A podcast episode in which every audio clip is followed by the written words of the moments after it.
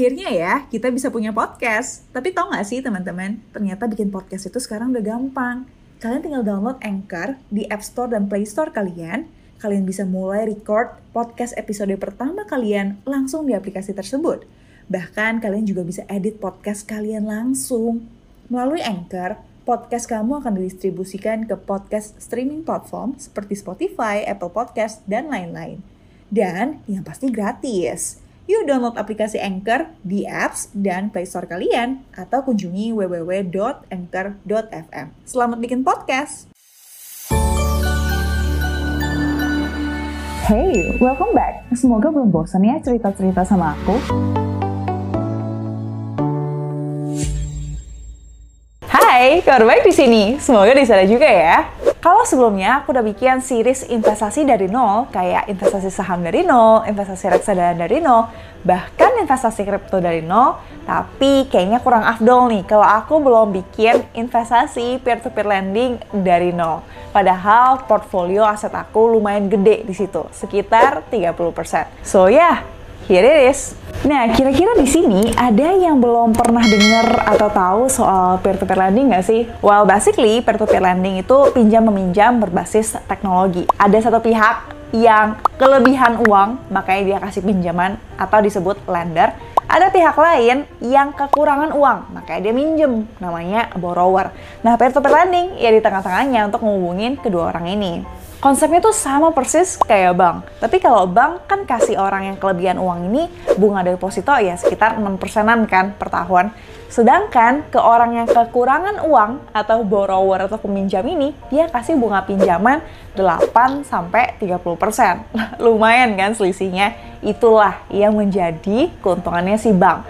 Nah sekarang mau didisrupt nih sama peer-to-peer lending. Sebenarnya nggak didisrupt juga sih, karena mereka kadang tuh marketnya beda. Nah di video ini aku akan bahas dari sisi orang yang kelebihan uang atau sisi investor atau kalau di peer-to-peer lending sih orang bilangnya lender ya. Nah kita sebagai lender akan dapat keuntungan dari fixed return, dari bunga yang dibayar sekitar 8 sampai 30% per tahun tergantung dengan resikonya. Resiko paling besar dari peer-to-peer lending adalah gagal bayar, alias uangnya tuh nggak dibalikin. Itu worst case-nya lah, paling buruknya kayak gitu. Semakin tinggi bunga yang kita dapat, seharusnya resiko gagal bayarnya juga makin gede. Nah, peer-to-peer lending ini kan bentuknya pinjaman. Secara garis besar tuh dia terbagi jadi dua. Pinjaman yang konsumtif dan pinjaman yang produktif.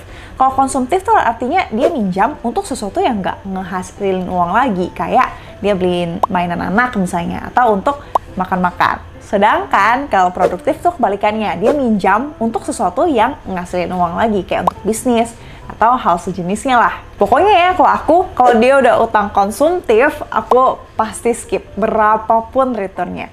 Contoh peer-to-peer yang konsumtif tuh kayak asetku, Easy Cash, Uang Mi, dan yang lainnya. Nah, pinjaman produktif ini juga terbagi jadi beberapa jenis nih. Ada invoice financing, merchant financing, dan business loan. Kalau aku pribadi tuh paling suka yang invoice financing, karena menurut aku supply sama demand-nya tuh udah lumayan clear, jelas, jadi ya lebih rendah juga resikonya. Nah, buat teman-teman yang belum familiar dengan invoice financing, aku saranin untuk nonton video peer-to-peer lending aku yang pertama di sini. Nah, contoh dari peer-to-peer yang produktif tuh ada Investri, Acceleran, Coinworks, Tanifan. Ada juga yang versi syariahnya kayak Amarta dan Alami. Nah ini aku coba kasih lihat table perbandingan di antara mereka ada yang punya fitur asuransi, ada juga yang punya fitur auto lending dan beda-beda lah masing-masing. Nah tapi di series mendanai peer-to-peer lending dari nol ini aku akan coba praktek pakai aplikasi Investri salah satu yang aku paling banyak taruh uang aku dan udah aku pakai paling lama. Aku pernah juga bikin video yang sebelumnya di sini dan di sini. Tapi walaupun aku taruh paling banyak dan paling lama di sini uh, menurut aku Investri itu salah satu yang paling lama uh, improvementnya. Kalau untuk orang yang cari gampang tuh dia nggak gampang-gampang banget sebenarnya. Banyak bugs juga. Tapi ya aku udah nyaman aja sih. Akhirnya ya kita bisa punya podcast. Tapi tau nggak sih teman-teman ternyata bikin podcast itu sekarang udah gampang. Kalian tinggal download Anchor di App Store dan Play Store kalian kalian bisa mulai record podcast episode pertama kalian langsung di aplikasi tersebut.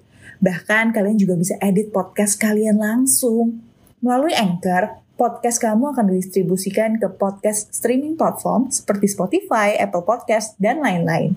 Dan yang pasti gratis. Yuk download aplikasi Anchor di apps dan Play Store kalian atau kunjungi www.anchor.fm. Selamat bikin podcast. Oh ya dan again aku perlu tekanin juga kalau video ini tidak disponsori oleh siapa pun dan semua video aku yang aku bikin tentang industri itu tidak pernah disponsori oleh mereka. It's just my honest review dan I say that uh, I like, aku pakai banyak, taruh banyak di situ. Cuma menurut aku improvementnya tuh paling lama dan kurang lah actually ya di uh, platform ini. Nah, langkah yang paling pertama pasti kita download dan buka account dulu di industri ini.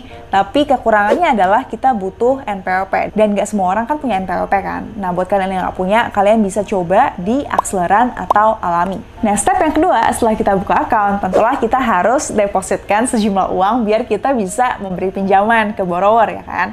Nah, di cash in hand ini klik yang di atas, terus klik tambah dana, terus pilih nih kalian mau pilih yang mana, mobile banking kayak internet banking, coba pilih ATM gitu ya. Nah, ini kita udah ada virtual account yang dibikinin khusus untuk nama kita. Jadi investor ini tuh kerjasama sama CIMB Niaga dan juga Danamon jadi kalau kita mau transfer ya ke rekening ini, tentunya buat kita yang pakai BCA atau Mandiri ya terpaksa harus kena biaya transfer antar bank. Nah kemudian step yang ketiga, kalau misalnya uangnya udah masuk nih, kita udah bisa ready langsung kasih pinjaman pertama.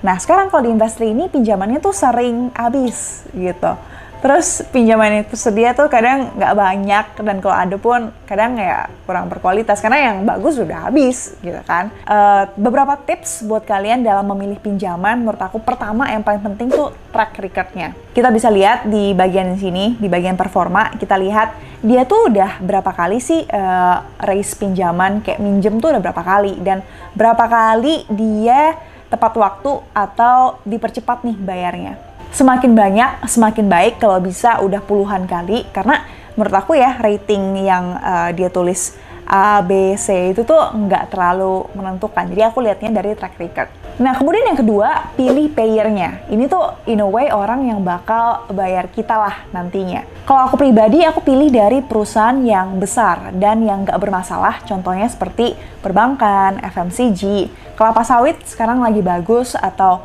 teknologi, dan telekomunikasi. Kalau di industri ini, payer yang aku kayak paling suka gitu lah ya, itu ada ILS, OB, SIP, BJI, itu uh, beberapa dari yang aku sering danain dan itu tuh nama kode-kode perusahaan. Kalau di sini ada dari kalian yang sering mendanai juga di industri, boleh nih tulis di komen apa kode perusahaan yang sering kalian danai. Dan gimana performance-nya? Siapa tahu kita bisa saling sharing ilmu di sini.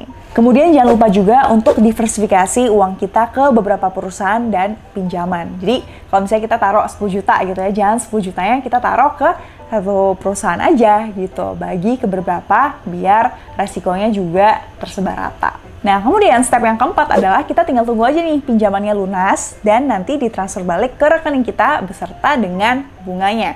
Ya, jadi itu langkah-langkah untuk mendanai peer-to-peer lending dari nol. Sesimpel itu menurut aku ya dari semua uh, aset kelas nih reksadana, saham, kripto.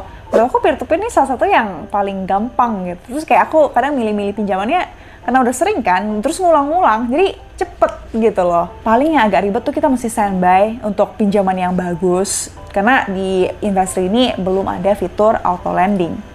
Nah, tapi kalian juga mesti ingat kalau peer-to-peer lending ini juga ada resiko gagal bayar. Aku pernah ceritain tentang gagal bayar pertama aku di industri di video yang ini ya. Untungnya mereka tuh ada asuransi yang cover 90% dari uang yang belum dibayar. Dari situ aku belajar kalau penting untuk pilih peer-to-peer yang punya fitur asuransi. Oh ya, kalian juga harus tahu kalau investasi atau mendanai di peer-to-peer lending itu nggak liquid atau nggak mudah dicairkan jadi kita nggak bisa tarik uangnya kapan pun kita mau, tapi kita harus tunggu pinjaman kita itu udah dilunasi dan udah transfer ke rekening lender kita. Ya, overall sebagai perempuan, aku lumayan suka sih peer-to-peer lending yang kasih return pasti dan lumayan 16-20% per tahun. Cukup sih buat aku untuk taruh uang yang lumayan gede di sini. Nah, kalau kamu sendiri gimana? Suka yang pasti-pasti atau tipe yang go big or go home nih, kayak saham dan kripto.